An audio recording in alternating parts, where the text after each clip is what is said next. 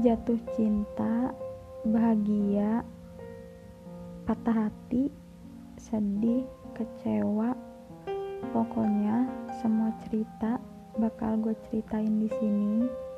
Jadi tolong kalian dengerin ya. Enjoy.